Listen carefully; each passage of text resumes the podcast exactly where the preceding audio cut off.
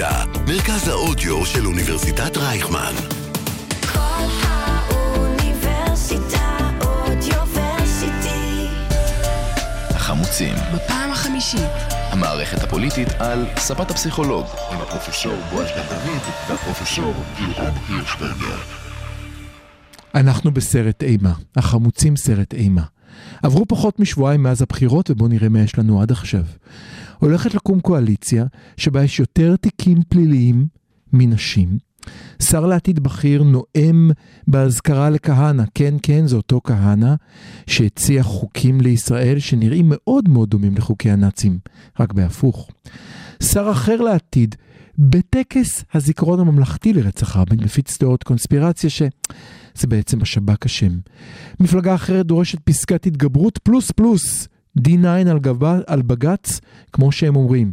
אחרים מבקשים את ביטול מצעד הגאווה, אבל אל תדאגו, נשאיר לכם את זה בתל אביב, על כל האחרים, תשכחו מזה. וזה כלום. זה עוד לפני שדיברנו על העמקת הכיבוש. וחרחורי המלחמה שיובילו, הרי אנחנו יודעים, הם יובילו למלחמה הבאה. ומי ילחם במלחמה הבאה? אותם אלה ששכרם נמוך מהמלגות שנותנים לאברכים, ומי ישלח אותם למלחמה הבאה? אנשים שלא ראו צבא מעולם. מי שישלח אותם לקרב לא קשר פלנלית על מצחו, כמו שאומר גלעד, ולא העביר חוטר בנשק ולא עשה טירונות, אם כי הצבא פסל אותו מלשרת, אם כי תורתו אומנותו, ואם בגלל שהוא הלך ללמוד משפטים ושירת שנה וחודשיים. סרט אימה, ובמקום כל סרט אימה אנחנו נעצור עכשיו וניתן למצלמה להתרחק. ונעשה פייד אאוט, וגלעד יעזור לנו להבין איך הגענו למצב הנורא הזה, שבו זומבים מסתובבים ברחובות. החמוצים מתחילים ממש עכשיו. החמוצים, בפעם החמישית. המערכת הפוליטית על ספת הפסיכולוג, עם הפרופסור בועז בן דוד והפרופסור גלעד הירשברגר. אחרי הפתיח. הפ- אחרי הפתיח הזה, מה מה נשאר אה, לומר, אה, בועז? אימא'לה! זה מה שנשאר לומר, אימא'לה! או, כמו שאמרה אורית סטרוק, השמאלנים לא צריכים לדאוג, אנחנו כבר נדאג להם. ציטוט מילה במילה. אני אגיד לך מה ההבדל בינך לביני. אוי, כן, אנחנו יודעים מה ההבדל. אני. אתה פסימיסט, אז אתה מוכן לא, לזה. אני, אני כאילו, אתה יודע, כל מה שנשאר לי להגיד זה אמרתי לך, לא הקשבת לי. כל uh, סבב כזה, כן. זה, זה רק היה דחיית הקץ, זה היה ברור שהמכה הזאת תבוא מתישהו, זה היה כתוב על הקיר לחלוטין. אין זה כמו רק להיות היה עניין של פסימיסט. זמן. אז נכון, בוא, נכון. בוא נעצור עכשיו. אה, ואני אתן אה, לך, ואני מדי פעם אשאל אותך שאלות, בוא ננסה להבין איך הגענו למצב הזה, ואל תגיד רק דמוגרפיה, בוא ננסה להבין לא, לא, ברור. כל מה שקורה, כן, כי נדבר- קרו כאן הרבה מאוד נכון, תהליכים. נכון. קודם קדימה. כל אני רוצה לדבר על המקום שאנחנו נמצאים בו כרגע, Mhm. ואני מדבר על uh, כל הציבור הליברלי בישראל. אה, לא כן. פיזית, לא אוניברסיטת רייכמן. אוקיי. הציבור הליברלי בישראל חווה עכשיו משהו שהוא מין אה, טראומה קולקטיבית בזעיר אנפין. אה, מומחה לטראומות, במקרה אני מכיר אחד כזה. כן, אז זה לא, אתה יודע, אף אחד כאן לא, לא מת ואין, כן. אה, זה, זה לא הגיע לממדים כן. כאלו, אבל יש כאן טלטלה עצומה. מהמם. טלטלה עצומה שגורמת לכולם לשאול שאלות מאוד מאוד כבדות, מהמם. כמו למשל, האם אנחנו יכולים להמשיך לחיות פה?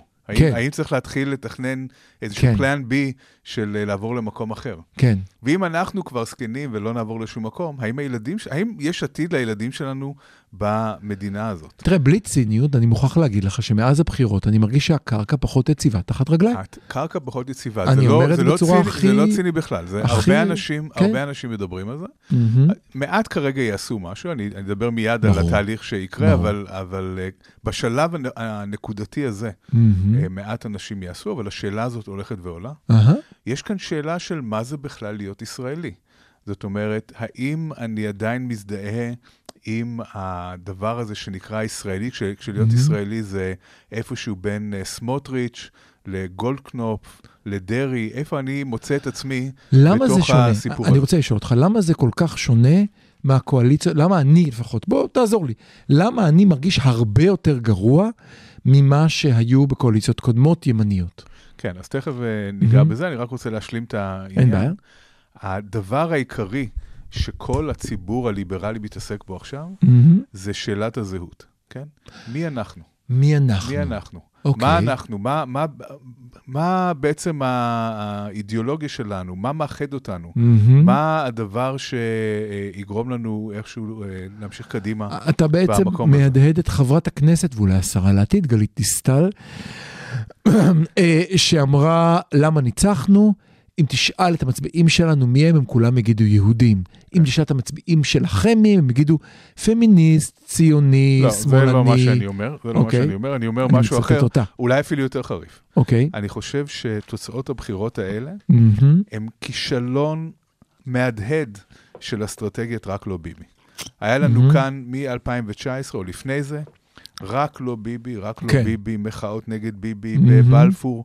הכל היה סביב אדם אחד, סביב ביבי, מהמם. וכל הזהות של כל המחנה הליברלי הזה, נקרא לו ככה, כן? מחנה השינוי. מחנה השינוי, שזה גם מין אה, שם, כן. זה, הכל היה ממוקד בבן אדם אחד, מהמם. ורק לא ביבי. מהמם. הסיפור הזה התנפץ לרסיסים. כן. ולא נשאר כלום, כי ברגע שיש ביבי, אז, אז אנשים קמים בבוקר ואומרים, מי אנחנו? ואני חושב שיש פן אחד חיובי, אה, יש פן אחד חיובי, הבנתי מה אתה אומר. יש פן אחד תן לי חיובי. רק לעצור ולראות שאני מבין אותך, סליחה, אני אתן לך להגיד על הפן החיובי, שזה, כמו שאני מכיר אותך זה יראה פן שלילי, אבל בסדר.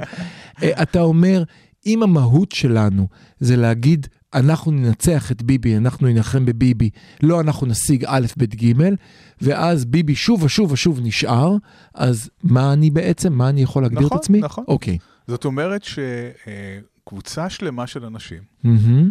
בעצם, וההנהגה שלה, יש לומר, כן. פחדו לדבר על אידיאולוגיה. כן. פחדו לדבר על, על זה שיש להם איזשהו מסר פוזיטיבי למכור ל, לעם ישראל. אני מוכרח לחלוק עליך כאן, ואני תכף אדבר על זה. אני חושב שיש כאן שתי ישויות שונות שצריך לדבר עליהן. אחת זה פוליטיקאים ואחת זה אנשים. אני חושב שדווקא הציבור היה מהמם. הפוליטיקאים, מנהיגיו, לא ידעו להשתמש בזה. התאהבת קצת יותר מדי בדגלים לא, ובהפגנות. לא, לא. הציבור אני, לא היה מאמין, אני, אני מצטער. אני, אני חושב שלא צריך להאשים את הציבור והמצביעים, אין את כאן עניין של הנהגתו. האש- אין כאן עניין של האשמה. לא, אתה כאן- אמרת, אני- לא הייתה אידיאולוגיה, אני חושב ש... נכון, לא הייתה לא, אידיאולוגיה. כי, אבל לא הייתה אידיאולוגיה, לא, לא כי... הייתה אידיאולוגיה. לא כי... מת, אני ראיתי את זה קורה בכל הבלפורים, אנשים באו, הביאו שלטים, ניסו רעיונות, הם לא היה הביאו אף מנהיג, שלטים. לא היה אף אבל מנהיג מה שיקח השל- את מה זה. היה כתוב על השלטים לא, האלה? לא נכון. מה היה כתוב על השלטים אני לא האלה? מסכים איתך. היו המון כאלה שניסו והעלו רעיונות ודיברו על דברים, אבל לא היה אף מנהיג שיגיד, וואלה, אני לוקח את מה שעשיתם, אוקיי, אתה יודע כל מה? הכבוד לכם, אני אני לוקח אפילו- את זה קדימה. אפילו נלך איתך. זה לא משנה, השורה התחתונה, נכון, זה שיש כאן מחנה שלם, כן. שהוא באובדן, הנהגתו לא אמרה משהו מסוים. דרך מוחלט, אובדן דרך מוחלט. ואובדן מהמם. הדרך הזה הוא מאוד עמוק. מהמם. ומדי פעם יש איזה הבלחות קטנות של אידיאולוגיה שצצות פה ושם, זה לא מספיק.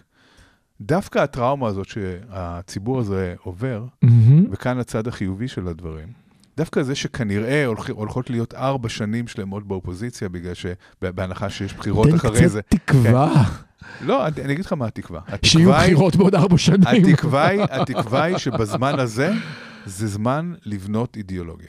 כן. יש כאן דברים מהותיים, שהם אה, אה, מהותיים לעצם קיומה של המדינה הזאת, מהמם. שהשמאל מרכז הישראלים מבינים, מהמם. והימין פחות מבין ופחות ער לו, מהמם. והגיע הזמן להתחיל לעבוד בצורה סיסטמטית, לקדם את הדברים האלה. למשל, הסכנה העצומה המרחפת מעל כולנו של מדינה אחת. זאת סכנה אדירה. יש כאן אה, רוב דמוגרפי פלסטיני כרגע מהמם. בין הים לירדן. ו- והרוב הזה רק ילך ויגדל, כי אני מדבר כאן על ישראל, על כן. יהודה ושומרון ורצועת כן. עזה. רוב הציבור הישראלי, אנחנו יודעים מסקרים, כן. לא מודע למצב הזה, אהה. לא מודע למשמעות של הדברים האלה. אם אנחנו ממשיכים בנתיב הזה לכיוון של מדינה אחת, מהמם. זה אף, לא צריך אה, פצצה איראנית, ולא צריך אה, חיזבאללה, ולא צריך פלסטינים. אנחנו נשמיד את עצמנו ב, בשיטה הזאת.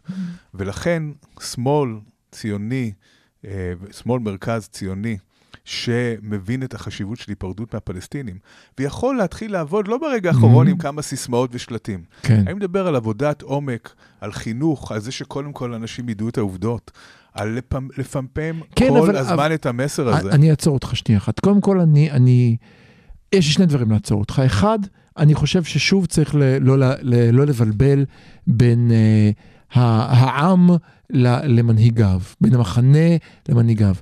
היו המון קבוצות שניסו לדיין, ניסו לעלות רעיונות, ברגע שזה בא למפלגות, המפלגות אמרו להם, תודה לא. אז יש לנו כאן בעיה בהנהגה. שתיים, רגע, שתיים, אני רוצה, ברשותך, אני אתן לך את מה שאטילה שומפלפבי מ-ynet יאמר לך. אני קורא אותו הרבה, הוא אמר, מה אתה רוצה מהערבים? מה אתה רוצה מהמדינה אחת? זה לא מעניין אף אחד, מה שצריך לדבר עליו, אני מצטט אותו. רגע, אני. מצטט אותו. כן. הוא יגיד, צריך לדבר על דמוקרטיה. צריך להגיד, יש מחנה דמוקרטי שרוצה דמוקרטיה, בית משפט, סדר, ממלכתיות, מחנה ששובר את זה, רק על זה צריך לדבר. יש הרבה מאוד שאלות שהמחנה הזה צריך לשאול את עצמו. Mhm. אני, אני חושב שהעניין של, דמוק... של מדינה אחת כלול כבר בתוך המטרה הגדולה יותר של דמוקרטיה, כי כמובן Mhm. לא יכולה להיות דמוקרטיה אם יש מדינה אחת, אלא אם כן אנחנו מוותרים על האופי היהודי של המדינה, מה שכמובן Mhm. לא בא בחשבון בכלל. אז, אז העניין של דמוקרטיה הוא כמובן, מאוד חשוב. מחנה השמאל מרכז הזה, המחנה הדמוקרטי, איך שלא נקרא לו, מהמם. יצטרך לקבל החלטות מאוד מאוד קשות בשנים הקרובות, מבחינת, אה, למשל, מי הם בעלי הברית שלו. מי הם בעלי הברית? האם אני בעלי, מסכים. האם בעלי הברית אני מסכים. הם מהימין המתון? מהמם. כן, האם אנחנו רוצים את uh, הגדעון סערים למיניהם, מהמם. והאלקינים למיניהם, ו- ולמצוא איזשהו מחנה משותף איתם, מהמם. וליצור משהו ליברלי, לא לגמרי שמאלני, או שאנחנו רוצים שבעלי הברית שלנו יהיו הערבים, מהמם. שלא לא הופכים את, הק... לא עושים את החיים שלנו מאוד קלים כן. עם ההתבטאויות שלהם, כן? אה, אז ה- כן. אני, אני, קודם כל, מה, רגע, ומה עם השותפים שלנו כחרדים? אני מזכיר לך שפעם גם ש- החרדים, נכון, נכון, בפירוש. או הסכם אוסלו לא היה קורה בלי הרב עובדיה, נכון, זכרו אני, לברכה. אני מוכרח להגיד שאתה יודע, כשחושבים על כל מה שקרה זריקת פה... החרדים הזאת היא, היא מטורפת בעיניי. נכון, אה, ו- וזה שהשמאל נטש את החרדים. לגמרי. זה קרו- כמובן שקרו גם תהליכים אצל חרדים, צריך להגיד לגמרי. שהחרדים עברו תהליך של ציוניזציה, מהמם. מה ששם את המצביעים החרדים בימין הישראלי. אנחנו- עמוק בימין הישראלי. כן, אנחנו רואים בסקרים שלנו, מהמם. שמצביעי המפלגות החרדיות הם יותר ימנים ממצביעי הליכוד בעמדות שלהם. מהמם. אבל אם ניקח את ש"ס בתור דוגמה, כן. אם אנחנו מסוגלים לשבת בקואליציה עם רע"מ, שזה הש"ס של המוסלמים, אין שום סיבה שלא נשב עם, אה, עם דרעי. הפסילות האישיות האלה, והדקדקנות ב... והטהרנות, מהמם. אה, כן, בכל הנושאים המשפטיים, שזה נכשל, אין מה לעשות. אנחנו צריכים להודות בזה שזה נכשל, היא בעוכרינו. אנחנו, דרעי אה, כבר ישב בממשלה מהמם. שהלכה על הסכם מדיני עם הפלסטינים, והוא גם יישב בממשלה הבאה אם הוא יצטרך. אז אחרי שדיברנו על העובדה שהצעת שלוש אפשרויות, אמרת ערבים, ימין מתון, חרדים, או אולי גם וגם וגם, אני רוצה לשאול אותך שאלה. אני לא חושב שיש גם וגם לא. וגם. נצטרך לקבל בחירות כאן. אני רוצה לשאול אותך שאלה, כן. שמעניינת אותי. תראה, הימין עשה תהליך איטי ועמוק, שבו לקח את הקצה של הקצה של הקצה, נרמל אותו, ואפשר לשמחה רוטמן, שהוא מאוד רחוק מעמדותיי, ויש לי המון ריבים איתו, אבל הוא בוודאי לא יכול לשבת באותו חדר עם אבי מעוז לכוס קפה. לא מאמין.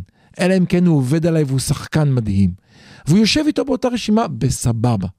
זאת אומרת, הצליחו לייצר מצב שבו אה, דאעש הכי דאעשי שיכול להיות לימין הכי מטורלל שיש, יושב עם כולם ביחד, עם כהניסטים ועם סמוטריצ'ים, וזה הכל בסדר. והשמאל לא מסוגל לאכול אפילו את חדש. עם האמירות המקוממות והמרתיחות שלה, שמרתיחות לי את הדם. קודם כל, אני לא בטוח שצריך? להכיל, אני לא בטוח שצריך להכיל את האמירות האלה, כן? לא אמרתי שהיא- להכיל את האמירות, אבל תראה, הימין הכיל אמירות איומות נכון. נועם. עשה לי, בוא, רגע, סליחה, בוא נדבר על זה. אין ספק. הם, הם מדברים שם נגד עליו- נכים, שנכים הם יהודים חלשים, נו באמת, מזכיר לי שאתה- משהו. מה שאתה מצביע עליו זה, אה, זה הבדל בין ימין ושמאל לא רק בישראל, זה הבדל אוקיי. שאנחנו רואים אותו בעולם. תסביר. השמאל הוא הרבה יותר טהרני והרבה יותר אה, אה, פיינשמקר, אנחנו יודעים, Mhm. פיינשמקרי, דיברנו על זה אוקיי, גם נכון, פעם שעברה. נכון. זאת אומרת, הוא אומר, אני לא בדיוק מסכים איתו, אז אנחנו לא יכולים לשבת, לא, אבל והוא זה אמר לא- ככה והיא אמרה ככה. לא, לא, אני, סליחה, זה לא זה. יש כאן קיצון. הימין אמר, אני אקח את הקצה של הקצה של הקצה, אני אכניס אותו למחנה כי הוא משלנו ואנחנו מה נלחמים שהימין- נגד מה האויב. שנתניהו השמאל עשה, לא מסוגל לעשות את זה. מה שנתניהו עשה, מהמם. הוא פשוט צמצם את השורות, הוא גרם לזה שלא יהיו שום נזילות ושום מהמם. דליפות, ושאף בוחר לא יברח לו, בלי כרגע לחשוב על uh, uh, uh, מה המשמעות של זה, ואולי הוא כן חשב על המשמעות, אבל בלי לחשוב האם הוא מסכים או לא מסכים אבל לאנשים אתה, האלה. אתה מדבר על הטקטיקה, אני חושב שזה כאן לא טקטיקה, אני חושב שזה עמוק יותר מטקטיקה. אני חושב שהמסר הוא, בשביל הניצחון, נכון. אני מוכן, לעשות הכל. לא, לא רק הכל, אני מוכן להיות עם ההוא, שאני בז לו, נכון. וחושב שהוא איום ונורא ומסוכן. השמאל יש לא מסוגל להכיל השמאל... אה, את חד"ש. שוב, שאני לא אוהב את חד"ש. עזוב את חד"ש, השמאל לא היה מסוגל לאחד את העבודה במרץ. השמאל, השמאל לא היה מסוגל... כן. לא, לא, אמרנו שלא נדבר על זה, חבל, זה כואב לי, די, רד השמאל- מזה. השמאל לא היה מסוגל להבין, ואחד הדברים שצריך להבין, זה לא השמאל, זה השמאלה. שאין... השמאלה, לא הייתי תראה, זה מוכן, לא סליחה. רק, זה לא רק, תשמע, בסופו של דבר, התוצאות האלה מצביעות על כך שאין אולי מקום למפלגות כאלה בכלל בשמאל. אולי מה שצריך לעשות זה לייצר מפלגה דמוקרטית. אין מהמם. מספיק אה, ליברלים בישראל כדי להתפצל למיליון מפלגות. צריך לי- לייצר אולי, אני מציע כאן הצעה, כן? מהמם. מפלגה כמו המפלגה הדמוקרטית בארצות הברית. שמכילה מה Squad ש- עד אה, ביידן. בדיוק, ש, שמכילה אגפים שונים, יש כן. את הפרוגרסיביים יותר, מאוד. ויש את הסנטרליסטים יותר, והיא מצליחה, ו, והיתרון של זה, מהמם. זה שהוויכוחים נשארים בפנים, כן, ובסופו של דבר שהולכים לבחירות לא מאבדים, לא צריך הסכמי עודפים, ולא צריך להתפלל ולעשות גוואלד, כן. שאיזה כן. מפלגה תעבור או לא תעבור. אני מאוד בעד, אתה יודע שזאת עמדתי, אני מזמן אה, תומך בזה, אבל צריך להבין, יש, יש הבדלים מבניים מאוד משמעותיים עם הברית, ואני רוצה, אפשר לגעת לזה דקה עכשיו? בוודאי. אז תראה, אה, אני מאוד אוהב את הפוליטיקה האמריקאית, היא מרתקת אותי, היא מרתקת אותי בעיקר בגלל שזה ספורט שאני לא מעורב בו רגשית. אני אוהד הפועל, לראות ספורט בישראל זה תמיד לסבול, לראות ספורט בארצות הברית, אכפת לי אם הניו אינגלנדס הפסידו או ניצחו, זה מעניין. אותו, אותו כנ"ל הפוליטיקה האמריקאית. אני חושב שההבדל בשיטת הבחירות האמריקאית ייצר משהו שלא קורה בישראל, ואני אסביר. אם ראינו בחירות אמריקאיות, ראינו הרבה מאוד מקרים שמדינה, עזוב איזה מדינה, מדינות שהצביעו פעמיים לטראמפ, בחרו סנאטור דמוקרטי. נכון. איך זה יכול להיות? אה, כי יש איזה 20 אלף ימנים, 100 אלף ימנים, שאמרו, את הטראמפיסט המשוגע הזה, כן. הניאו-נאצי הפסיכי הזה שרץ נגד uh, מייקלי, כאילו, אני לא יכול לא, לתמוך כי בו. כאן, כאן מה שקרה כאן. בבחירות האמצע בארצות הברית עכשיו, כן, אה, קרה משהו שהוא מאוד מעניין מבחינת מצביעי הימין מהמם. דווקא. טראמפ אה, מינה כל מיני מועמדים כן. שהיו אה, די פסיכיים, זה כמו מהמם. שאמרת, כל מיני ניאו-נאצים וכל מיני אנשים לא, מאוד אחד קיצוניים. היה ממש כאילו רץ נגד ג'ו שפירו, מישהו שהוא נכון, אנטישמי בצורה לגמרי, לגמרי. ברורה, אפילו כן. בלי להסתיר. נכון, ואחד הדברים שנהיו ברורים בבחירות Mhm. האלה, וזה אגב נכון גם לישראל, כן. שמועמדי קיצון, אנשים מאוד uh, מטורפים, גם בעיני הימין היותר מתון, הם, הם uh, לא אטרקטיביים. או, זאת אומרת, אם הוא היה שם, אם נגד uh, כן, ג'ו שפירו. היה, היה מועמד ימני נורמלי, כן. מאוד יכול להיות שהוא היה מנצח. אנחנו ראינו את זה, סליחה, היה, יש, לא ניכנס לכל המיינושיה של הבחירות, היה את המקרה של אותו אחד, שחקן פוטבול שהיה עבר שבץ מוחי, לא ברור אם הוא יכול לתפקד, והוא ניצח כן. בפער, כי אם הוא לא שם מישהו קצת מטורלל. מה הבעיה בישראל? אם היו בחירות, אני לא בטוח שצריך לעשות בחירות אזוריות בישראל, אבל לו היו בחירות אזוריות בישראל, ביבי היה לוקח. אבל לא היה, מועמ- אבל לא היה נבחר מעמד של בן גביר בכל מחוזות הבחירה. העניין של בן לא גביר היו זה, זה דורש 20%. דיון, דיון נפרד. תכף נדבר עליו. לא חושב על 20 אחוז. זה תחושה אחת שלי. ואחרי שאני מרגיע את עצמי בתחושה הזאת, באה לי תחושה שנייה. ובה אנחנו נסגור את, ה... נסגור את החלק הזה ונעבור לחלק הבא, שבו ניתן לך לדבר הרבה, הרבה על בן גביר. באו לציונות הדתית, ואמרו לה, נכון, איבדתם אבא. איבדתם את בנט עם שבעה מנדטים שהצביעו לו. ניתן לכם את גנץ ונשים את כהנא, או שתלכו על בן גביר, אבל אז אתם מקבלים את. אתם מקבלים, סליחה, תלכו לסמוטריץ', אז תקבלו את בן גביר ואת מפלגת נועם. תבחרו. אתם מקבלים שם נבחרת שלמה של כוכבים, אה, שהיא, היא- זה פשוט דבר מדהים. וסליחה, הציונות הדתית, לפי כל, המסקר, כל מה שאני רואה היום מהקלפיות, בחרה. הייתה לה את האפשרות של מרכז, מתון, לא, ברור, עם ברור. ימין, ואת הימין הכי קיצוני הלכו, בעולם, הלכו הכי הם הלכו לקצה, לשם. וזה הצליח להם. זאת אומרת שגם הטענה שלי, שאם היית שם מטורלל לעומת מתון באחד מול אחד במחוז בחירה, כנראה שהייתה נופלת, כי במקרה שלנו, אבל כאן המטורלל משהו, לוקח. צריך להגיד משהו חשוב לגבי הבחירה של בן גביר. לא, אתה לפני- תגיד את זה אחרי הפסקה. אוקיי. שים הפסקה. ואז גלעד יסביר לנו מה עשינו רע שקיבלנו את בן גביר. החמוצים כבר חוזרים אחרי הפסקה קצרה.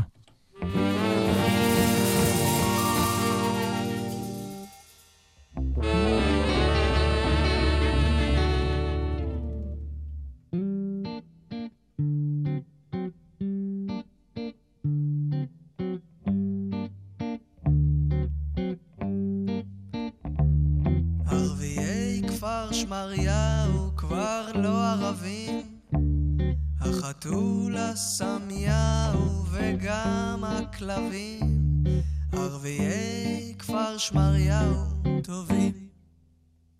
ערביי הרצליה כבר לא כועסים, החמור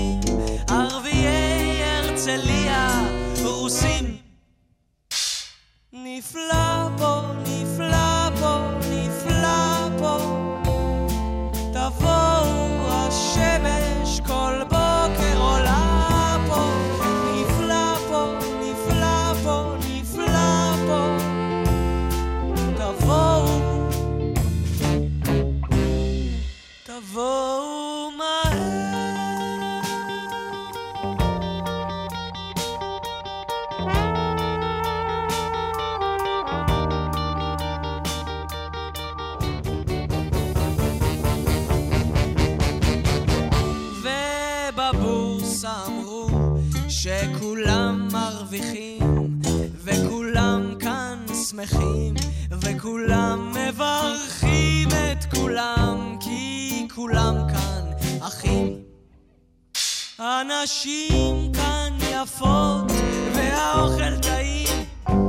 ים המלח מלא בדגים נפלאים ושבויי לבנון עוד חיים.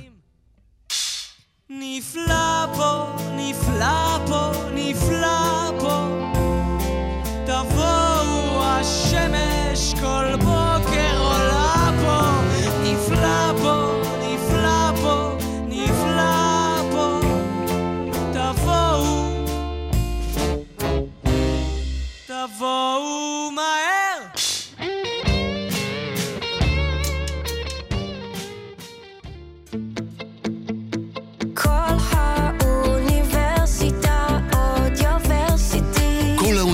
האוניברסיטה, מרכז האודיו של אוניברסיטת רייכמן. כל האוניברסיטה אודיוורסיטי. חמוצים. בפעם החמישית. המערכת הפוליטית על ספת הפסיכולוג, עם הפרופסור בועז בן דוד והפרופסור גלעד הירשברגר. אנחנו ממשיכים במהדורת האפוקליפסה של החמוצים. גלעד, אחרי שתמחוק את החיוך מהפרצוף של אמרתי לך, לפחות מישהו נהנה מה... לא, יש לי, לפני שאתה מתחיל, יש לי כן. ידיעה חדשותית חשובה, סקופ. אוי לא. אה, שלנו, אה, דרעי ונתניהו אה, סיכמו ביניהם שאתי אלון תמונה להיות מפקחת על הבנקים. הייתי בטוח שתאמין, זה, זה לא הזוי אפילו להגיד דבר כזה. לא, זה לא הזוי. אני חושב שאתי קרייף תהיה הוועדה למינוי שופטים. אה, בדיוק, זה היה הצעד הבא. כן, תן לחתול לא לשמור על השמנת, אלא פשוט לאכול ישירות את השמנת, ומה שיישאר, יישאר לנו. גלעד, איך קרה שבן גביר קפץ ל-14 מנדטים? 15 15 מנדטים. נכון. איך זה קרה? זה לא רק בן גביר, צריך להגיד, זה בן גביר, סמוטריץ' סמוטריץ', ומפלגת נועם המלבלבת, אבל אה, מה מה קרה פה? מה קרה פה? מדוע זכינו לעונשו של זה? כן, אז אני חושב שקודם כל צריך להבין משהו אה, מאוד חשוב לגבי מדינת ישראל והציבור הישראלי. מהמם. אנחנו מדינה, התחלנו מפוסט-טראומה, מהמם. אז אנחנו באמת מדינה פוסט-טראומטית, אנחנו מדינה פוסט-שואה, נכון. שכל מה שמעניין את הציבור הישראלי, ורואים את זה בכל סקר וסקר, מהמם. כל מה שמעניין את הציבור הישראלי, זה הביטחון האישי. לשרוד. מה שמעניין עוד זה יום, לשרוד. עוד שבוע, עוד לשרוד, חודש. אנחנו, בסך הכל החיים פה הם חיים טובים, כן. אבל כל הזמן מרחפת עננה שחורה כזאת, ואנחנו מהמם. מפחדים שיפגעו בנו, שיהיה טרור, שיהיה טילים, שיהיה, כן, שערבים יהרגו אותנו, יש מין פחד קמאי כן. מכל דבר כן. שנראה ערבי. וכאן הדבר המדהים, מה שמעניין, אני חייב לעצור אותך, זה קרה לי היום בשיעור. מישהי אמרה לי, רגע, אבל אני שומעת ערבית וזה מעורר בי פחד, מה זה אומר בדיוק. על זה? אז אמרתי לה, אני לא יודע איך לעשות את זה פוליטיקלי קורקט, ואיכשהו יצאתי מזה, וזה בלייב מול 150 סטודנטים, ואמרה לי, אבל אני ערבית מעוררת בי חרדה. החרדה הקיומית מניעה פה הכל. היא, כן. זה הדלק שמניע פה את כל מהמם. התהליכים. מהמם. ובן גביר הציע דבר מאוד פשוט. בן גביר, בן גביר אמר, אני אטפל בעניינים, אני אעשה פה סדר. מהמם. מה שמעניין ב... שבו בשקט, תנו לתולעים. אתה מכיר את השיר של מאמי? כן, מאופרת כן, רוק כן. מאמי? כן. תנו לתולעים לעבוד. כן. אז הוא אמר, אני, אני אעשה פה סדר. וכאן היה שילוב קטלני, אפשר להגיד מנצח או קטלני, איך שאתה רוצה לחשוב על זה, בין, אה, בין זה שהוא בא באמת עם, עם נכונות מאוד גדולה לעשות Mhm. סדר. כן. יש לו כריזמה רבה, כן. הוא עובר מסך מעולה. מדהים. הוא, לא רק לו, מסך, גם קהל, ראיתי אותו כן, כן, בהופעה, הוא- הוא מדבר מדהים. נכון, הוא עובר uh, מדהים, והוא uh, סוחף אנשים, והוא הוא באמת נראה מין דובי חמוד כזה. מהמם. התקשורת התאהבה בו ונתנה לו המון זמן מסך. השילוב של כל הדברים האלה, הוא גם נותן מישהו ש... פתרונות נורא פשוטים. הוא נותן פתרונות פשוטים. עכשיו, מה. מה מדהים, מה ממש מדהים בסיפור הזה מהמם. בעיניי? מולו יושבים שני רמטכ"לים לשעבר. כן. גנץ, אוקיי, נגיד גנץ הוא גנץ. אבל יש לך גם את איזנקוט. כן. שני אנשים שהיו יכולים, או היו צריכים, לבוא ולהגיד, מי, מי, מי זה הפרחח? הרי מי זה בן גביר? הוא פרחח רחוב. הוא, הוא לא יודע, הוא לא מבין כלום בביטחון. כן. הוא לא באמת יכול לעשות סדר, הוא לא, הוא לא, הדבר היחידי שהוא יודע לעשות זה לעשות בלאגן, הוא, הוא, לא... הוא מורשע בהיות חברות בארגון טרור, הוא לא גויס לצה"ל, כי צה"ל לא היה מוכן להתמודד עם הבן אדם הזה עם הוא, נשק. הוא הכי רחוק מלעשות סדר שאפשר בכלל לתאר. גם מבחינת המוטיבציה שלו, גם מבחינת ההתנהלות שלו עד היום, וגם מבחינת הידע שלו, אין לו שום ידע, הוא לא, הוא לא מבין כלום בזה. הוא ממש פרחח רחוב. עכשיו, אחת התופעות המדהימות במערכת הבחירות האלה, זה איזנקוט, שבמקום לעמוד ולהגיד, ילד, אתה לא מבין מהחיים שלך בביטחון. אם אתם רוצים ביטחון, אתם צריכים אותי. אתם צריכים שאני אהיה ממונה אבל הוא, על הוא, הביטחון. הוא הניח שהוא לא צריך לדבר, כי כולם, כי הדרגות יהממו את כולם, וזה לא עובד ככה. כן, לא, אני... זה לא הוא- עובד ככה. זה, זה פשוט היה מדהים. אני לא יודע מה קרה במפלגה הזאת, שהחביאו כמה אנשים שאולי היו יכולים לגרוף כמה קולות, גם איזנקוט וגם מתן כהנא, אלה שני אנשים שהחביאו אותם, לא דיברו בכלל כל מערכת הבחירות, וזה תמוה ביותר. למה קיבלנו את בן גביר, פרופסור הירשברגר? עכשיו, כאן מה שוב- עונשנו? מה חטאנו? שוב, מה כאן פשענו? שוב צריך לזכור שלפני שתי מערכות בחירות, כמה קולות בן גביר קיבל? בהתחלה הוא לא עבר את אחוז החסימה, הוא הוא לא רץ עבר את אחוז לבד. החסימה, הוא נכון. קיבל איזה 19 אלף קולות, הוא קיבל... לא, הוא עבר את ה... הוא קיבל אחוז נקודה משהו, ואז הוא לקח כסף, שם אותו בקופה ורץ שוב, לקח אחוז משהו, לקח את הכסף, שם אותו בקופה, הוא- ואז הוא הוא גדל. לפני מספר אה, אה, מעט- מועט מאוד של שנים, כן? כן. לפני שנים כן, ספורות, נכון, הוא לא היה פופולרי, הוא לא קיבל את מספר נכון. הקולות שהוא קיבל עכשיו. נכון. הוא הצליח לעשות איזושהי טרנספורמציה גם בתדמית שלו מהמם. וגם בפופולריות שלו. כן, אה, הוא, הוא ממש צריך אה, ללמוד קורס ביחסי ציבור ממה שהאדם הזה עשה, והוא למד הרבה מהימין הקיצוני ב- באירופה. זהו, אתה אומר קורס ביחסי ציבור, אבל זה, אתה לא מצפה עכשיו שאייזקוט יבוא ויגיד, אני פותר את כל הבעיה, בואו נהרוג את הערבים, זה תמיד יותר טוב מ... בואו נדבר, בואו נחשוב, נכון, נכון. בואו נירגע. אם מישהו אומר, יאללה מכות, כולם רצים, אם מישהו אומר, בואו נירגע, דוחפים אותו לבחור שצועק יאללה מכות. נכון. אז כאן אה, לימין הקיצוני תמיד יש איזשהו יתרון, כן, בכך שהוא נותן פתרונות מאוד פשוטים, אה, מוות למחבלים, כן, לא אומרים לערבים יותר, רק, ל- לערבים, ל- כן, נכון, רק. למחבלים, השאלה אה, מי זה מחבל. כן, נגרש, אה, מי זה נגרש את מחבל, כולם. גלעד? לא, ברור, זה עניין של מחבל הגדרות. ברדיו, אני עכשיו שומע אותו מדבר. בוודאי. אה, נגרש את כל מי שאנחנו לא, לא אוהבים. אה, חלק מה, מהקמפיין גם משתמש בהומור, יש לו הומור לבן גביר, כן, כמו אה, השלט מעל תחנת הרכבת. כן, כן, כן, כן, כן. היו, היו מי שם... ייתן שיסתלקו אויבינו, כן. כן.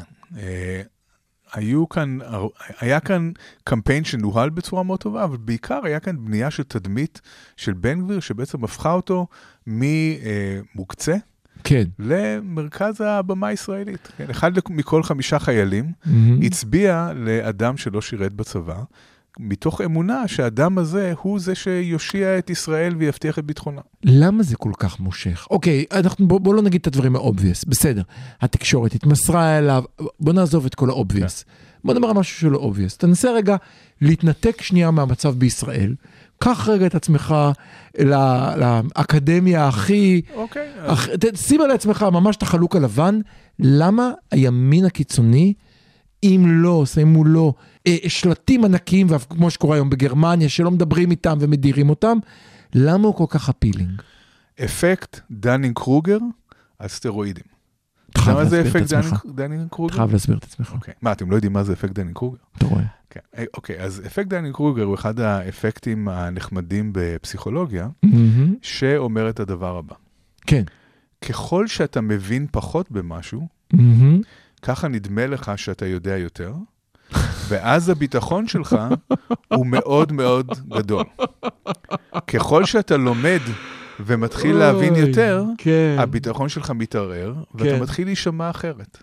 עכשיו, עכשיו כאן, אני כל כך מזדהה עם זה, כי אני יודע שכשאני מלמד חומר, שאני, שהוא, אני מלמד אותו למרות שהוא לא מהות החומר שלי, קל לי לדבר עליו, ואז אני צריך לדבר ממש על מחקר שלי, ואני צריך לגגל, כן, זה נכון, אבל בתנאי א', אבל בתנאי ב', זה לא. תמיד קורה. צריך להבין שיש המון כוכביות. נכון, אה, אז, לכן, אה, פרחח רחוב, כן. כמו בן גביר, Mhm. שאין לו שמץ של מושג בביטחון, הוא לא מבין בזה כלום, אין לו. שום ניסיון, הוא, כן. הוא לא טוראי אפילו, כן? הוא... הוא... אי אפשר לתאר... מורשע בטרור הוא- ולא גויס לצה"ל. כן, הוא ממש, אה, יש לו, יש לו ידע מינוס, לא, אה, אפילו לא אפס בביטחון, אבל יש לו המון המון ביטחון עצמי. הוא משדר המון ביטחון עצמי. הוא אומר, אני מר ביטחון, אני זה שיעשה פה סדר. כן, הוא לא, הוא, הוא לא ממצמץ לרגע שהוא אומר את זה, הוא לא מתבייש להגיד את הדברים האלה. מולו שוב עומדים כל הרמטכ"לים וכל מומחי הביטחון. שיודעים שאין פתרון פשוט. ואומרים את מה שאמרת עכשיו. אין פתרון פשוט, צריך להתפשר, צריך לדבר, צריך לעשות uh, ככה, וצריך, כן, הם אומרים הרבה דברים מאוד מאוד מסויגים, כי ככל שאתה יותר מומחה, מהמם. אתה מטבעך יותר מסויג, אתה מבין את המורכבות של הדברים. יושבים החיילים בבית או בבסיס, או, בוא, אני רוצה, הבנתי אותם, בוא נדבר על השומעים. אוקיי. כן, ושומעים אחד שאומר, תנו לי את הכוח ואני אעשה פה סדר. והשני, שאו שהוא בכלל לא מדבר, כי הוא חושב שהדרגות שלו ישפיעו, או שהוא כן. אומר דברים מאוד מהוססים ומורכבים ולא Mhm. מובנים כן. לשומע הישראלי הממוצע, מהמם. ומה שזה נשמע לו זה, אוקיי, הוא, הוא בעצם לא יודע מה לעשות. יש אחד שאומר, אני אעשה לכם סדר, כן. והשני שלא, ו- וכאן צריך להכניס את האלמנט של החרדה הקיומית. זהו, אני רוצה להבין, סליחה, אנחנו, אני מודה ש, אתה יודע, למה אם מישהו אומר עליי, סליחה, אם- בוא ניתן לך דוגמה אחרת. אם אני עכשיו לוקח שיפוצניק הביתה, אינסטלטור, אחד בא עם אפס המלצות ואומר אני יודע, שני נשמע, קצת מתלבט, אבל אני רואה שיש עליו 150 המלצות באתר, אני אלך לזה ש 150 המלצות. למה אנשים הולכים לאינסטלטור עם אפס ניסיון שמתרברב?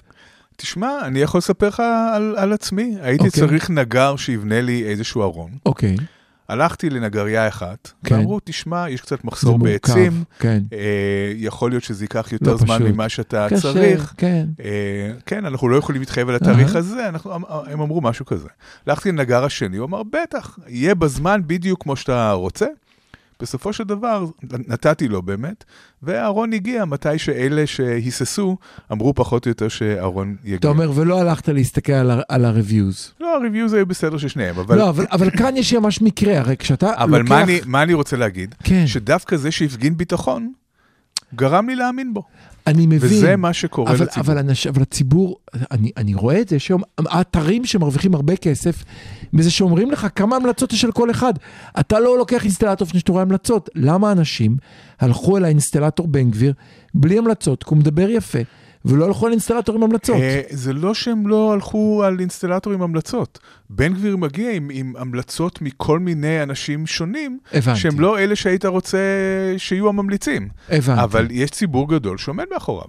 אוקיי, לא, אבל הציבור הזה גדל, בהתחלה היה ציבור קטן ושולי של כן, עשרת אבל אלפים איש. אבל גם הציבור הזה הוא ציבור. בסופו, בסופו של דבר, הבנתי. בסופו של דבר, גם העבודה של התקשורת הייתה סוג של המלצה. אם התקשורת כל הזמן חושפת אותך לבן גביר, מהמם. גם כאן יש, בוא יש mere, mere exposure זהו, effect. בוא, נדבר קצת פסיכולוגיה חברתית. כן. מה- למה אם אני רואה, בואו נעזור למאזיננו שלא למדו את הקורס מבוא, מה קורה אם אני רואה מישהו אלף פעם בטלוויזיה? מה זה גורם לי לחשוב עליו? כן, בוא, בוא נדבר ב- ברמה הכי פשוטה. כן. אה, מה גורם לכם לקנות את השמפו שאתם קונים, או את משחת השיניים שאתם קונים?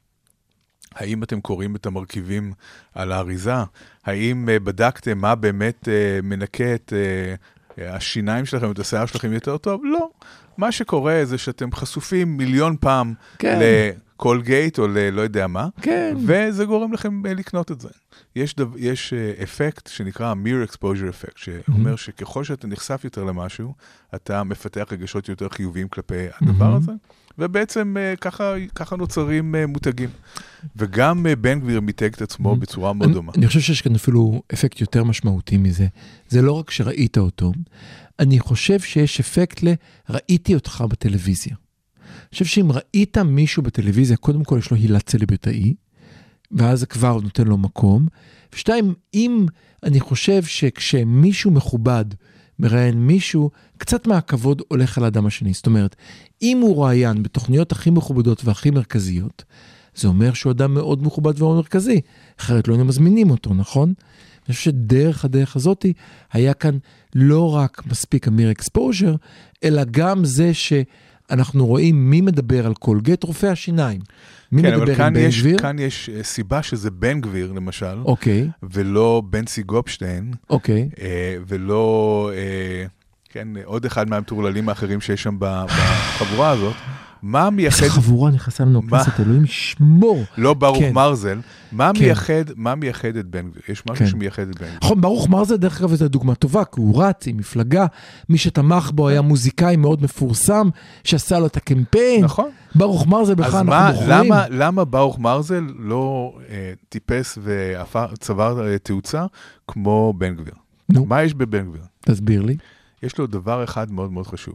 כן. חלק גדול מהאנשים האחרים האלה מהמם. הם טיפוסים שנראים מפחיד, והם הם לא מחייכים הרבה. הם, הם אנשים שכשאתה רואה אותם, הם מעוררים בך פחד וחרדה. הם, הם אימה. מרתיעים. דווקא ברוך מרזל זה דוגמה טובה למישהו שהיית שם שם עליה בגדר ההפרדה, זה לא היה מפחיד לא, טרור. הוא, הוא, עכשיו, בן גביר, אחד כן.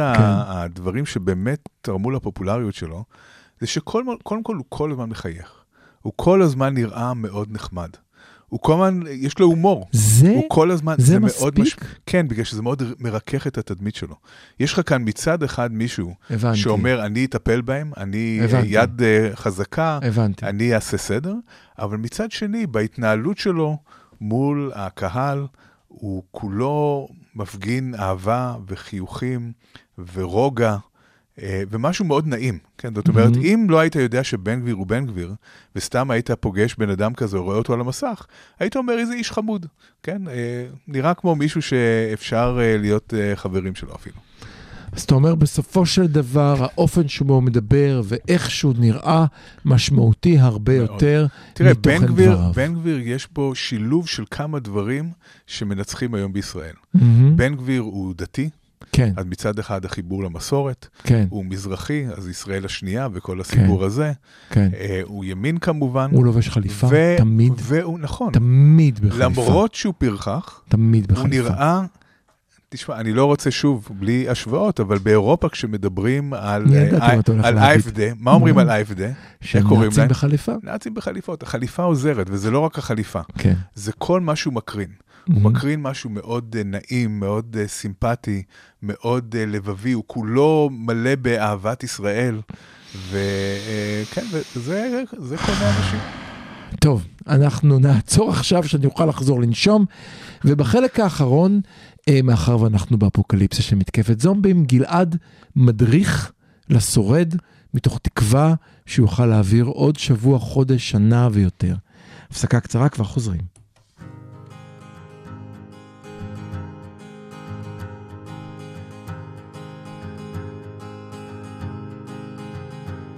הסיפור הגדול שמתחיל בתנ"ך ומאז עד היום הוא הולך ונמשך. עם העם שיצא לגלות וחזר אלפיים שנה יותר מאוחר לבית שבין הים לנהר. הסיפור הגדול עם שואה ותקומה חלוצים רעבים גואלים אדמה דונם פה, דונם שם, הפרחת השממה, הפרחת האשמה, כי הייתה מלחמה, ואויבים אין מספר, מדינה שהוקמה, וזה העיקר, בין הים לנהר, בין הים לנהר. בין הים לנהר המרחק לא גדול בין הים לנהר קו ירוק, קו סגול, קו אדום בבקעה, תפר תכלת בהר, וחומה של בטון בגוון עפרפר, והנוף הרוס נאנח מיוסר. הסכסוך לא נגמר, הסכסוך לא נפתר. מי לוקח הכל ולמי לא נשאר? של מי העתיד ושל מי העבר. איפה אסור ולמי זה מותר? בין הים לנהר. בין הים לנהר. הסיפור הגדול, סיפור נהדר, לדור ועוד דור, את עצמו הוא מכר. עד שחל בו שיבוש את עצמו סתר ומאז בפירוש הסתבך עד צוואר הנרדף נעשה לרודף האכזר. בין הים לנהר יד החוק כבר תקצר ההמון שזרע וההון שקצר. אלימות ושחיתות וכפל מוסר שררה וכבוד במקח וממכר. ויד איש באחיו באישה ובזר. הכל כבר פרוס והכל מגודר והכל מבוצר, כל מגזר ומגדר. בין הים לנהר. הלך לאיבוד הסיפור הגדול. הסיפור הגדול שיודע הכל, מימין ומשמאל. הפוך וישר. שיבין את אתמול ויגיד מה מחר. בין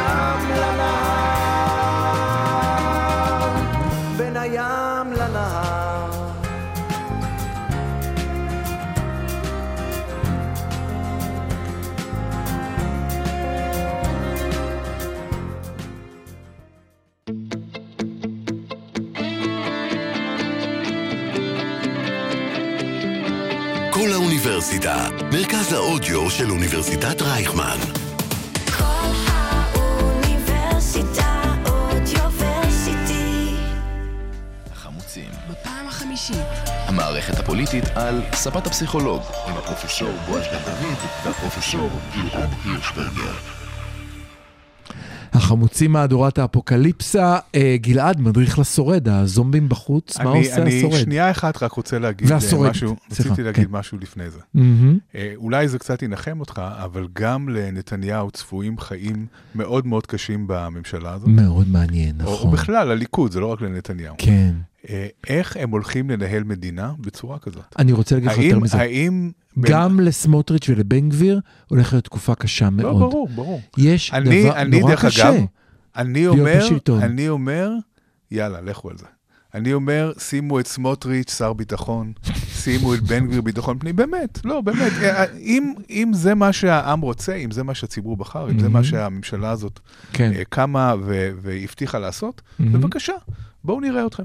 בואו נראה מה יקרה למדינת ישראל כשסמוטריץ' יהיה שר ביטחון. בואו נראה איך בן גביר באמת בתור שר ביטחון פנים עושה סדר. מה שיקרה, מהמם, ויכול להיות שאתם צריכים לעבור את התהליך הזה. יכול להיות כן. שהדרך לשינוי מהמם. צריכה לעבור דרך אה, תקופה כואבת. לפעמים אין ברירה אלא לעבור את מעניין זה. מה יקרה, אני רוצה לשאול אותך, בעצם יש שתי אפשרויות. אחת שאנחנו הולכים תראה, למשהו יש שאין... כאן כמה, לא, יש יכול להיות שיש דברים. משהו בלתי הפיך, שזה מלחמה. לא רק מלחמה, לא. אני, אני חושב שצריך ויכול להיות להבין, משהו כן הפיך, שהוא... אנשים מתמקדים יותר מדי בכאן ועכשיו. אוקיי. לא מבינים שמה שמתחולל כאן מהמם. זה תהליך ארוך טווח, זה תהליך עומק. לך שאנחנו על זה. מתחילים, אנחנו מכניסים איזשהו משהו, זאת התוכנית וזה המיקרופון, תסביר מה כן. לדעתך הוא תהליך העומק. מתחיל קדימה. כאן איזשהו מומנטום שיכול להימשך הרבה מאוד שנים. שהוא? קודם כל, היחסים עם ארצות הברית ועם, ועם המערב. מהמם. זה הולך להיפגע בצורה מאוד משמעותית. כן, כן, כש- כן, כן. כשסמוטריץ' יהיה כן. שר הביטחון והוא יצטרך כן. להיפגש עם כן. מקבילו האמריקאי, זה לא זה לא יעבוד, כן? את בן גביר הם בכלל לא מוכנים להכניס לארצות הברית. כן. זה אבל הולך להיות, זה הולך להיות מאוד מורכב, אנחנו במיוחד נחווה- עכשיו שדווקא הדמוקרטים נמצאים במקום טוב. אנחנו נחווה את מה שחובה פולין והונגריה. יותר, זה יהיה יותר חזק. פולין והונגריה לא נמצאות במאבק על, על קיומן. אה, פולין והונגריה לא מאוימות על ידי איראן.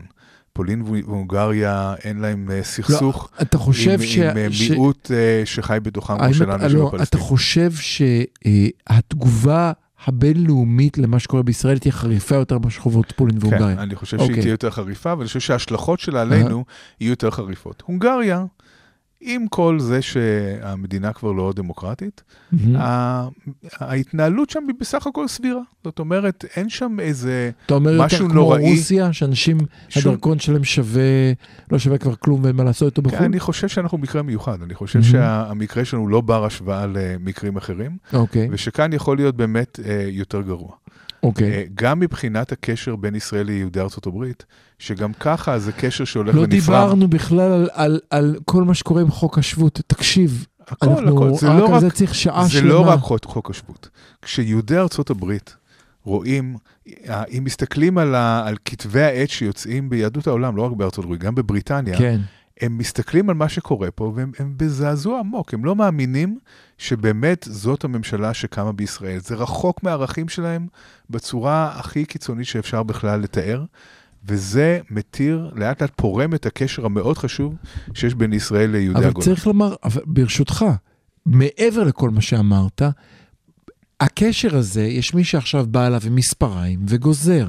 כן. ברגע שאמרת, בתיקוני חוק השבות שעומדים עכשיו לדיון, ביטול הנכד, פסלת המון מיהודי ארצות הברית. ביטול הגיור הרפורמי, אין לך יותר יהודי ארצות הברית. 80% מהם לא מזדהים כאורתודוקסים. נכון, אבל... 80% כן. לא מזדהים כן, אבל הם, כאורתודוקסים. 80 אחוז הם לא, לא, לא יהודים מבחינה... לא משנה, ברגע ש... לא. סליחה. אם אתה אומר לבן אדם, הרבי שלך לא יכול לגייר יותר, והוא לא שווה, לקחת מספריים וגזרת את הקשר. כן, אבל אני חושב שזה הרבה יותר עמוק מזה. אני חושב שאני לא רואה אותם עומדים בתור אה, אה, לעלות לארץ בכל הם מקרה. לא עומדים בתור, אבל אם אתה לא חושב... העניין, זה לא העניין אם המרכזי. אתה חושב- זה לא העניין המרכזי. אני חושב, העניין אני חושב שזה המרכזי- מקום מאוד משמעותי, המרכזי- סימבולי. חוק המרכזי- השבות יש לו ערך סימבולי, גלעד. העניין המרכזי, לא אכפת להם מחוק השבות. יהוד- ליהודי ארצות הברית לא כל כך אכפת מחוק השבות. אני חולק מה עליך. שאכפת להם זה שמדינת ישראל מנוהלת על ידי חבורה של דתיים ופשיסטים. זה מה שמעניין אותם. וההזדהות שלהם עם מדינה, שזאת, גם ככה היה להם קשה עם ישראל, עם הכיבוש ועם כל כן. המשמעות של, כן, כן. של אה, אה, להיות מדינה שהיא Mhm. אה, מוגדרת כמדינת אפרטהייד על, על ידי ארגונים שונים. מהמם. זה הקושי של, אה, אה, של יהודי ארצות הברית בעיקר. אז גם העניין של הקשר עם הממשל האמריקאי ועם העולם. רגע, רגע, אז אנחנו ממשיכים את הפרוק... אז אתה אומר. רגע, בוא, בוא נחזור למדריך לשורד.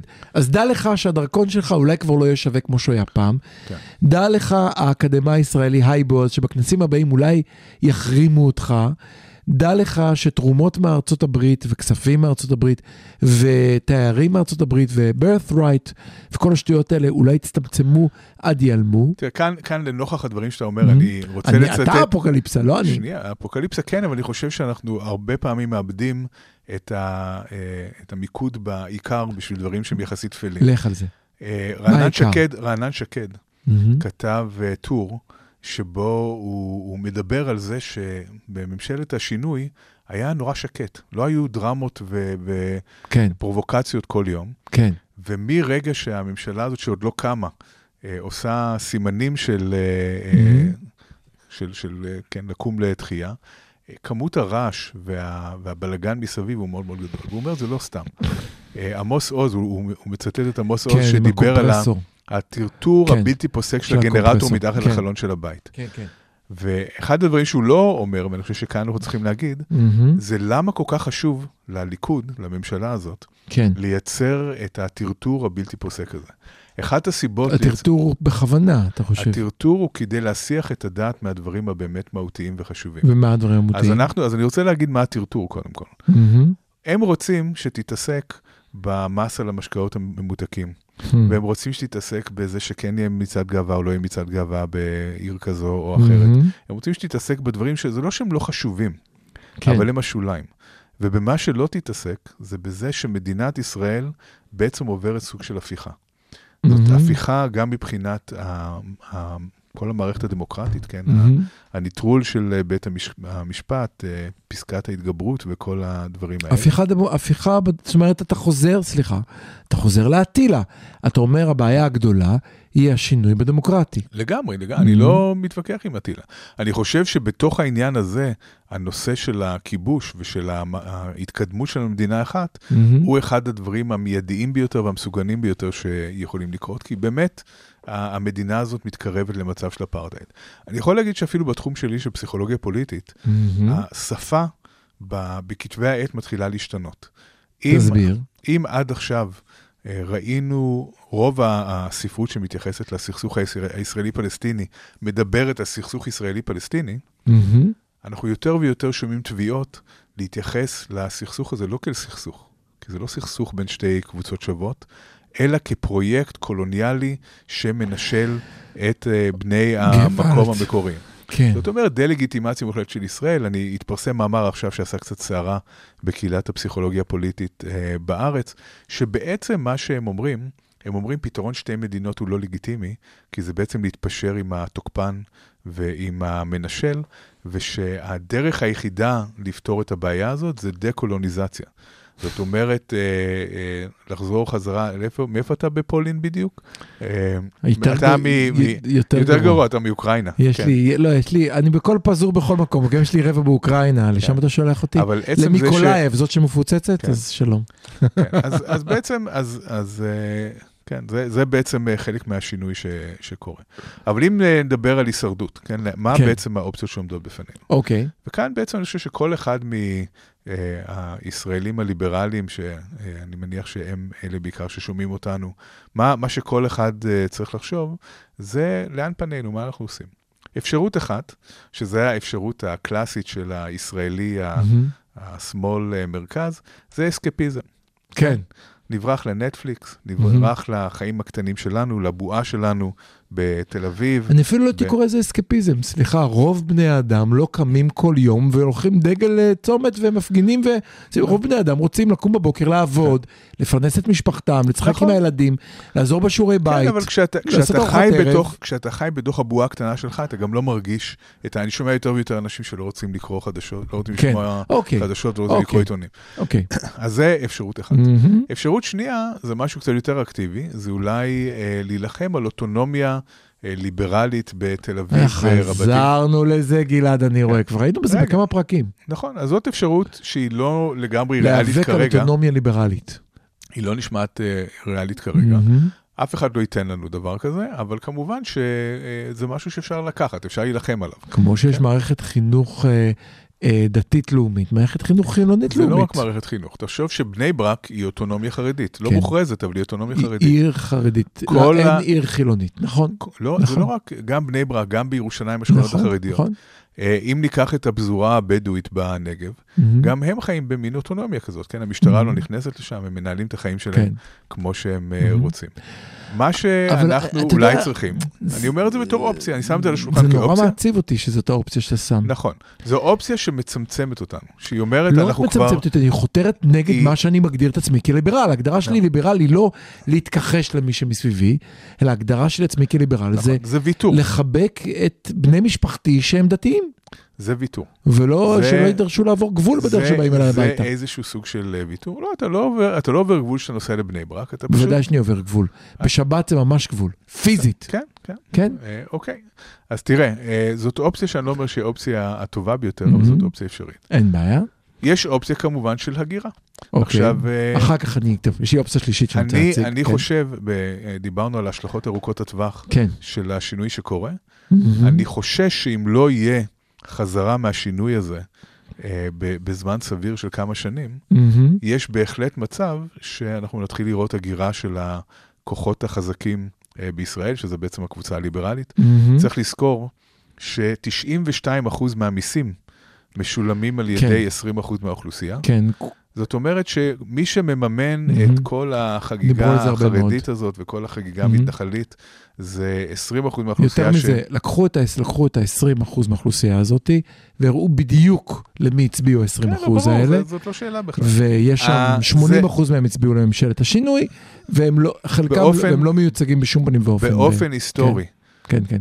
אשכולות 8 עד 10, מהמם. שזה הציבור החזק דיברת בישראל. על 30 אחוז, כן, לא משנה. אבל אני אומר, אפילו מהמם. יותר, אשכולות מהמם. 8 עד 10 כן, זה 80 אחוז מפלגות שמאל מרכז. כן, אז, אז נכון ש-8 עד 10 זה אפילו יותר מ-20 אחוז, 30. אז בוודאי כן, כן. שהאשכולות... ה- ה-20 אחוז שנותנים 92 אחוז מהכסף, כן. אה, אה, לא בהחלט, ואם כולם יעזבו, לא תהיה מדינה. בוודאי. כן, עכשיו לא כולם יעזבו, וזה לא יהיה בבת אחת, לא, אבל אבל לאט לאט... זה אם- מגש הכסף תרתי משמע, מישהו כתב לאחרונה. כן, זה ממש באמת- מגש הכסף. אם באמת אה, יהיה מצב שיהיו יותר כן. ויותר חוקים דתיים, וגם המצב הביטחוני יהיה רעוע בגלל ההחלטות האומללות של הממשלה מהמם. הזאת, וגם מי שינהל את כל העניין הביטחוני יהיו אה, כל חבורת האנשים הזאת שאין להם ניסיון צבאי ואין להם לגיטימציה בכלל לשלוח חיילים אה, לקרב. אה, ובאמת החיים של החילוני הממוצע יהיו אה, קשים יותר. הליברל הממוצע. של אוקיי. הליברל הממוצע יהיו קשים Mhm. יותר, אז אנחנו נתחיל לראות טפטוף החוצה, כי אחד הדברים שמאפיינים את, ה, אה, את, ה, את מצביעי השמאל-מרכז. ו- ובניגוד לשאר האוכלוסייה בישראל, זה שיכולת הניידות היא מאוד גבוהה. זאת אומרת, מי ש... עדיין. לא, סליחה. היא עדיין עדיין- גבוהה, היא עדיין גבוהה. לא, סליחה. אני ואתה יכולים לעזוב בכל יום שאנחנו רוצים. ביום שהדרכון שלנו יהיה כמו דרכון רוסי, נהיה בבעיה. לא תהיה בעיה אם אתה בתור אקדמאי תגיד, אני עוזב פה, אני רוצה מקלט במקום אחר, אני כן. רוצה למצוא עבודה במקום אחר, Mhm. אתה תמצא. כן, אולי הייתי צריך להתפשר לאוניברסיטה כזאת או אוניברסיטה Mhm. אחרת, אתה תמצא, לא תהיה בעיה יש בזה למצוא. משהו. כן. וזה נכון לגבי כל לא, כי חמותי שומעת את התוכנית, אני... זה נכון לגבי כל האוכלוסייה הזאת. זאת אומרת, אוקיי. כאן צריך לציין שדווקא ה- השכבה הזאת, מהמם. שיש לה אופציות אחרות, היא הפגינה את אה, שיא הציונות בזה שלמרות האופציות האחרות היא נשארת כאן. אבל זה עלול לאט לאט לעבור כרסום, ו, אה, ושייווצר מצב שבו האוכלוסייה הזאת תגיד, אנחנו לא יכולים יותר, אנחנו לא מוכנים יותר ולא רואים תקווה. כדי, וכאן הנקודה החשובה, אוקיי. רק אה, משפט אחד אחרון. מהמם. כאן הנקודה החשובה. כדי שבאמת תהיה מלחמה על המדינה הזאת, לא רק על אוטונומיה, אלא על כן. המדינה כולה, בתקווה מהמם. לעצור שינוי, לייצר איזשהו שינוי, צריכה להיות מידה כלשהי של תקווה. צריך להרגיש שיש סיכוי כן. באמת לשנות. כן, ועכשיו אני רוצה להיכנס. אני, אני ברשותך, יש טור אה, קצר שכתב יובל נוח הררי, שאני רוצה לדבר עליו בקצרה. הוא מתאר שם את הבלונאים, שהתברר שהם אנשים שלקחו את הטראומה הכי קשה של מלחמה, וניסה להבין למה, כי הם יהיו לבד, חסרי אונים, שום יכולת להשפיע על גורלם. אם, אם יהיו יורים אליהם לא יכלו להזיז את הבלון, והם יהיו תמיד לבד. אז הוא אומר, אל תהיו בלונאים. האזינו לי, אנשי הליברלים, עכשיו באפוקליפסה. דמוקרטיות מתות כשאנשים כבר לא יכולים להתארגן ולהגן עליהן. הדבר הראשון שכל מי שרוצים להגן על הדמוקרטיה, או במילים שלי, על מדינת ישראל שלנו, זה להתארגן. להיכנס לקבוצות, לא להישאר בצד, לא לתת לדמוקרטיה למות לבד, אלא לקום ולעשות מעשה. הבעיה היא שלקום ולעשות מעשה זה לא קל. כן, וכאן אנחנו צריכים להבין את התנאים הפסיכולוגיים שיכולים Mhm. לאפשר את זה. כדי לקום ולעשות מעשה צריך שתהיה תקווה, כן. דבר ראשון. מסכים. צריך גם שתהיה לך תחושה שיש איזשהו, קונצנזוס, עצמית. יש איזשהו קונצנזוס סביב המעשה הזה, זאת אומרת אוקיי. שיש קבוצה גדולה של אנשים שאני לא יחיד, בסדר. שאתה לא לבד, אוקיי. שיש חוללות עצמית, כמו שאתה אומר, זאת אומרת, תחושה שאם נעשה yes we can כזה, כן? אם כן. נעשה, אז באמת זה משפיע. יכול uh, כן. להוביל לשינוי. מהמם. כן, בלי uh, כל המרכיבים האלה, הסיכוי לשינוי יותר קטן. אז אני חושב שאני אסיים במה שאני אמרתי ואתה לא הסכמת איתי. אני חושב שהבעיה היא לא עם המצביעים ולא עם אנשי המחנה. תפסיק לחפש אשמים, זה בכלל לא אה, משנה. אני, אני הבעיה אומר את זה עם הפוך. המחנה. לא, אתה תיתן לי אוקיי. דקה אחת לדבר, לא הפרעתי לך. אני קורא לאנשי המחנה, לכל אלה שעזבו את המשפחה ונסעו לפה ונסעו לשם, ל-200 הגשרים שעמדו, התארגנו בשבועיים לפני הבחירות, ועמדו ועמדתי איתם עם הזאת בכיסא הגלגלים, והסבתא והנכד והנכדה. כל הכבוד לכם, אנחנו מאוד מעריכים אתכם, ועכשיו זה הזמן לא לעמוד עם שלט רק לא ביבי, שיש לו חשיבות, עכשיו אלא הזמן לעמוד עם לנשום שלט- ולפתח אידיאולוגיה. כן. לחשוב מהי מה המסר החיובי שלנו, מה אנחנו בעצם רוצים שיהיה פה במדינת ישראל. ולהשתלב בתוך השלטון, כי לא יכול להיות, סליחה, שמחאת בלפור הכל כך מרשימה, לא הביאה אחד שנהיה מנהיג בפוליטיקה הישראלית. איך זה יכול להיות? ואני מלא הערכה לכל האנשים שהיו שם, שאף אחד מהם לא נהיה מנהיג מפלגה. אז אל תהיו לבד, קומו התארגנו, ולא להגר מחר, תנו למדינה הזאת עוד סיכוי. תנו עוד צ'אנס, תנו עוד צ'אנס למדינה. חכו קצת. כי אנחנו עוד מאמינים בה. היינו החמוצים להתראות.